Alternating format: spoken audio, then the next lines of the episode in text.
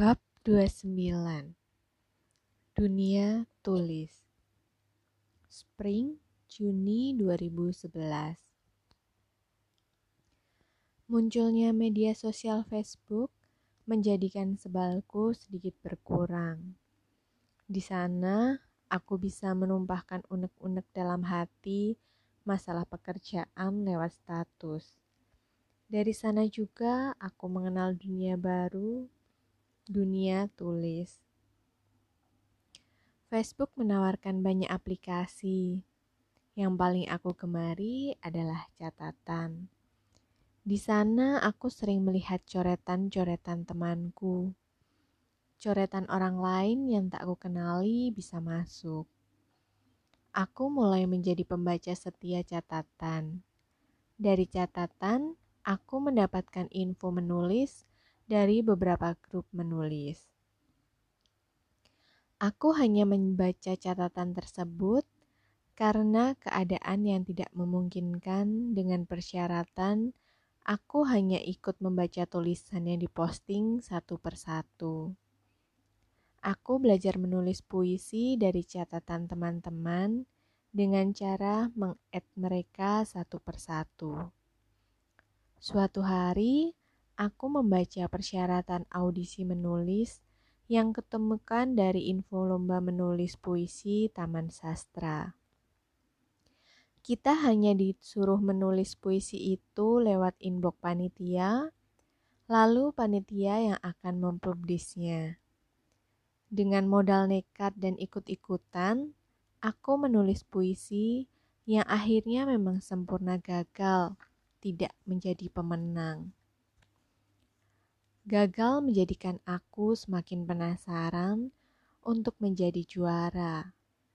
Perlahan-lahan, aku mulai membaca karya-karya sang juara. Dari situ, aku mulai mengagumi profesi penulis. Dengan keahlian kata-kata, tulisan mereka begitu bernyawa, begitu berlari gagah di antara sekumpulan alfabet. Aku terus memburu lomba menulis puisi karena menurutku puisi lebih simpel dan singkat. Persyaratan yang harus mempublish info dan menandai panitia juga beberapa puluh orang menggagalkan rencanaku mengikuti lomba tersebut. Letak warnet jauh. Harus naik siupa atau bus kecil 30 menit baru sampai di pasar. Itu pun ditambah harus berjalan 10 menitan karena letak rumah majikan di bawah perbukitan. Selain lomba puisi, ada juga lomba cerpen. Tetapi sayangnya, aku tidak bisa menulis sepanjang itu. Dengan modal keberanian, aku mulai bertanya sana-sini cara membuat cerpen. Namun yang kudapati hanya kalimat sederhana. Belajar cerpen tidak perlu teori, tapi menulis saja. Aku juga paham harus menulis. Yang ku maksud adalah bagaimana cara membuat setting, dialog, nama tokoh, aturan apa saja dalam menulisnya. Aku lalu disarankan untuk mengikuti les online menulis cerpen. Ketika aku tanya berapa biayanya, aku tentu saja keberatan sebanyak itu. Mendingan uangnya untuk biaya SMP adik di rumah. Berbekal bertanya yang menuju menemui jalan buntu, aku mulai browsing lewat HP. Alhamdulillah, Allah memudahkannya. Waktu itu juga ada promosi besar-besaran dari grup menulis WR. Dengan biaya sangat murah, aku mendaftarkan diri. Uang pendaftaran itu aku nego dengan voucher isi ulang dan disetujui. Dari sini aku mulai belajar dan memberanikan diri mengikuti audisi menulis cerpen. Aku mencatat info yang sekiranya aku mampu. Aku menulis terlebih dahulu dalam buku. Lalu saat dapat libur atau mendapat perintah ke pasar, aku sempatkan diri ke warnet, mengetik, dan menulis kembali, baru aku kirim. Dengan menulis, aku mampu mengalihkan pikiran negatifku ke dalam tulisan. Menyesuaikan tema lomba sebagai ajang latihan. Tak menang tak tak mengapa, asal aku sudah mencoba. Semakin lama, lomba-lomba semakin banyak. Aku bagai semut yang bertemu gula, terus berpikir dan memutar otak. Di sela kerjaku yang repot, kalau aku menulis di buku akan memakan waktu lama. Dengan bantuan temanku yang bekerja di warnet, aku menulis lomba itu di inbox dan mengirimkannya padanya. Tak peduli berlembar-lembar syarat, tak peduli jempol sudah kaku sebelum tulisan itu jadi, aku tetap menulis di jeda waktu sibuk. Rasa tak enak pun kerap kali membayangiku. Apakah temanku itu tidak jengah atau jengkel saat aku mintai tolong? Terkadang aku menginbuk panitia, meminta syarat keringanan karena tak punya komputer, warnet juga jauh. Kadang ada panitia yang membolehkan, kadang ada yang mengabaikan. Akhirnya, aku memilih untuk tidak ikut lomba lagi daripada membebani temanku. Aku juga meminta tolong teman lain untuk mengirimkannya. Dengan begitu, aku bisa terus berkarya walaupun tak pernah menang Pikiran menulis terus bercokol di otakku. Aku melihat komputer di rumah majikan, lalu menghidupkannya. Menilik aplikasi Word-nya, ternyata berbahasa Cina. Oleh karena kerinduan untuk menulis sudah menggebu, aku nekat menulis di sana. Memindahkan tulisanku dalam flash disk, dengan bahasa pagar itu, aku berusaha mengingat-ingat letak copy dan paste pada komputer di warnet.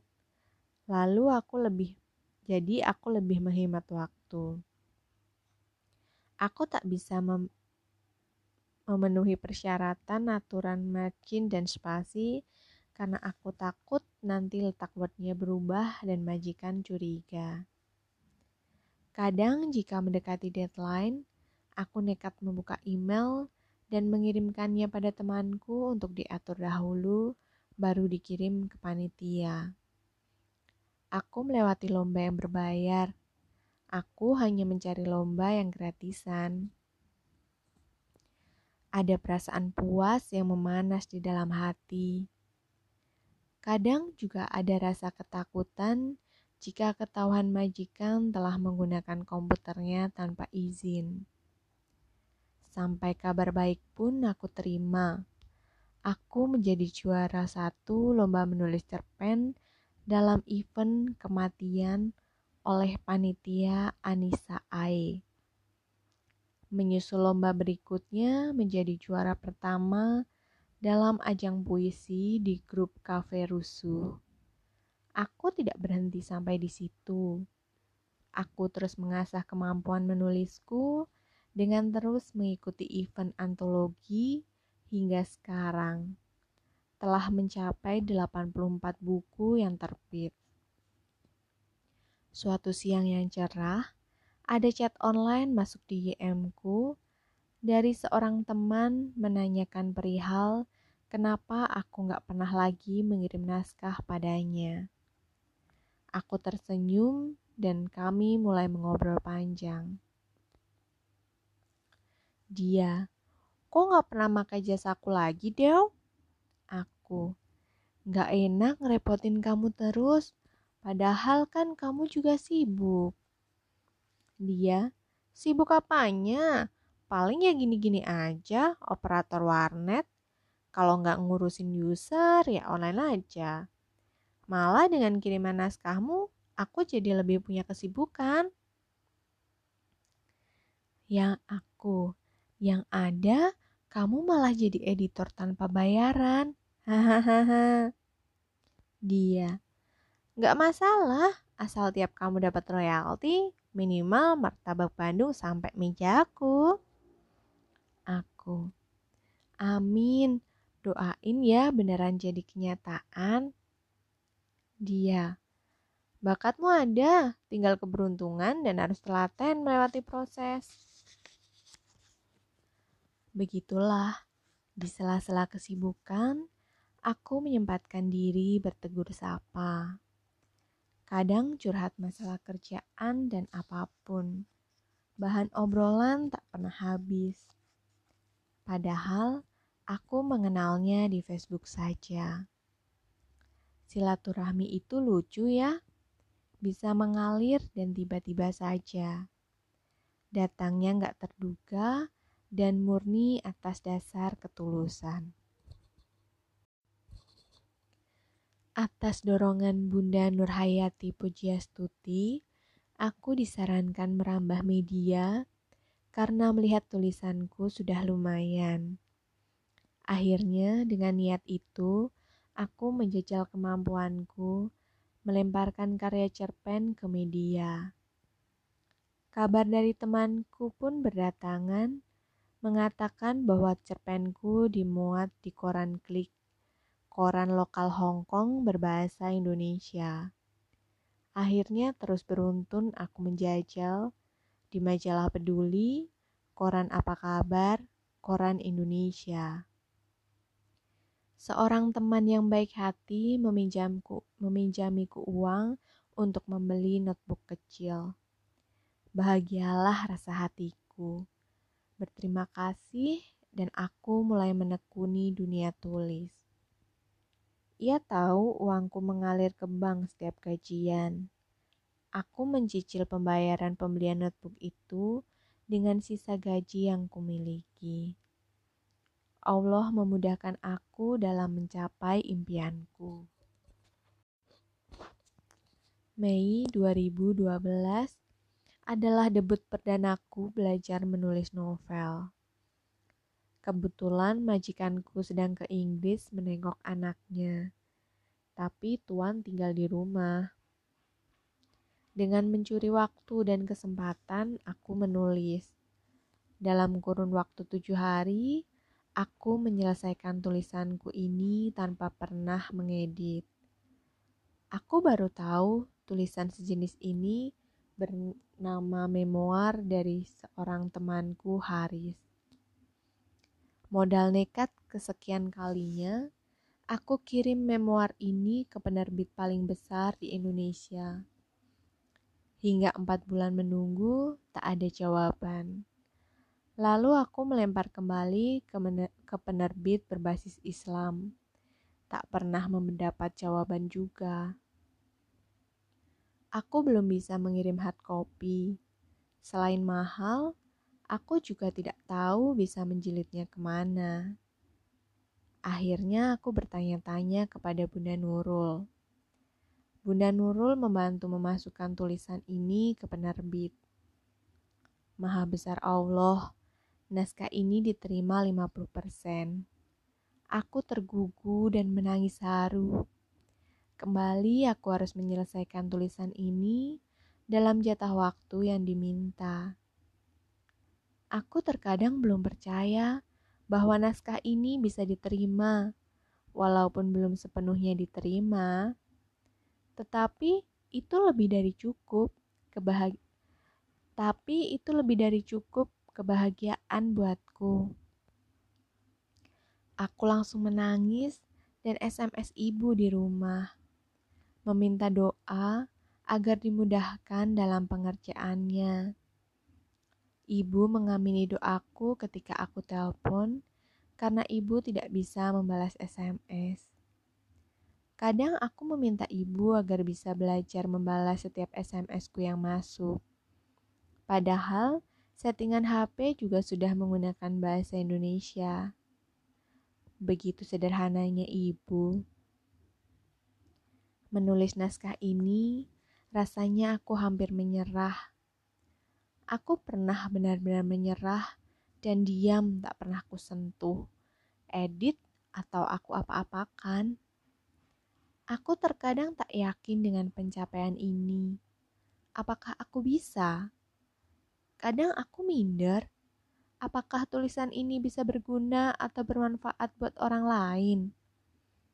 Aku pun malu terhadap tulisanku sendiri jika rasa kurang percaya diri itu menjamahku. Mendekati awal November, aku baru mengerjakannya.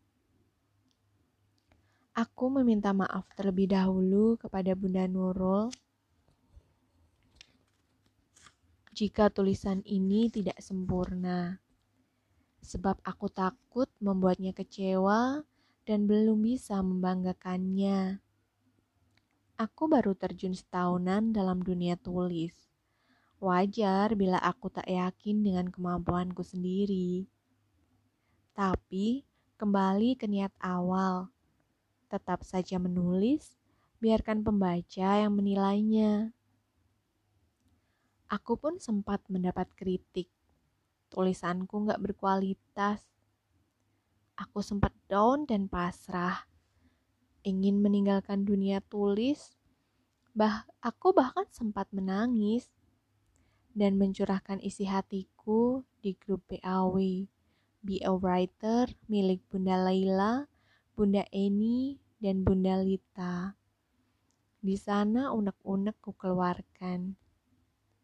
Subhanallah, anggota yang sudah seperti saudara di sana menasihatiku banyak hal dan kepercayaan ini tumbuh kembali.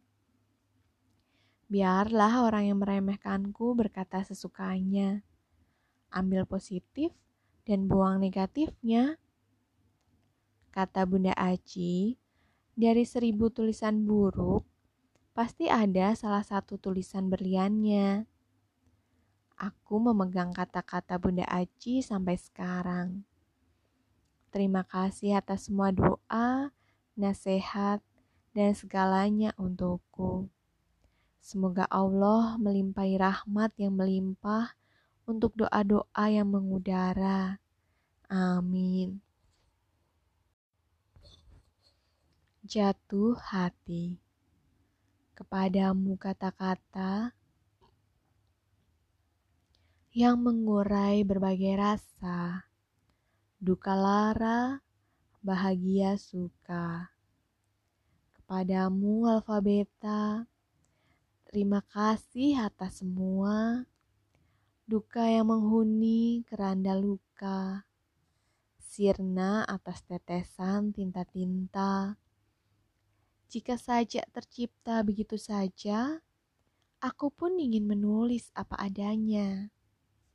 Jika tulisanku tak bermakna apa-apa, setidaknya aku telah membagi sejumput kisah kepada manusia lainnya, bermanfaat atau tidak, biarlah pembaca yang mengira-ngira. Melegenda atau tidak, biarlah mengabadi untuk anak cucu nantinya. Bab 30 Polisi dan Bank Rindu mengetuk Pada malam yang terbentang, ada bulan sabit menghias langit. Tiba-tiba senyummu membayang. Indah bagai hati yang dipingit. Ibu, ketika Tuhan memberikan jarak, engkau tetaplah bidadariku, tempat ternyaman meredakan isak. Ibu, tetaplah genggam tanganku. Jangan biarkan aku sendiri melaju tanpa doa-doamu. Aku takkan mampu melewati hidupku. Kemarin aku diberitahu minggu akan diberi libur. Aku lalu SMS dan telepon teman-temanku mengajak bertemu. Setelah balasan SMS kembali ku kirim, ada sebuah SMS masuk. Aku kira temanku tadi, ternyata SMS dari ibu. Ibu menyuruh telepon ke rumah. penting katanya. Aku sempat deg-degan juga. Ada apa? Tidak biasanya ibu begini. Ibu minta maaf, Wo. Bapakmu bikin masalah lagi. Membawa lari motor orang. Gak tahu motornya di mana. Sudah beberapa bulan yang punya mencari, tapi gak ketemu. Motornya mau buat kerja mereka. Akhirnya jalan pintas diambil. Mereka lapor polisi. Siap gak siap, punya gak punya, Sabtu harus ada uang. Kalau tidak, bapakmu dibawa masuk bui. Aku tersentak, ibu tergugu menangis. Sudah berapa kali kejadian ini terulang lagi? Aku harus berurusan dengan bank dan pelunasan utang. Menggadaikan paspor untuk jaminan. Kalau ketahuan majikan, aku pasti dipecat karena terlalu berani mengambil resiko. Tapi aku nggak punya cara lain untuk menebus dengan jumlah jutaan itu. Masalah lain, kontrak rumah kami akan berakhir. Tunggakan belum dibayar. Mau diperpanjang, tapi ibu kontrakan sudah memberi warning kalau rumahnya tidak akan dikontrakkan lagi. Mau dihuni anak bungsunya.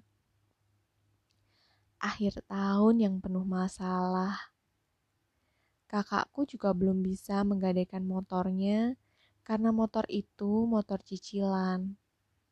Sebelum keputusanku ambil, aku sholat istiqoroh meminta petunjuk darinya.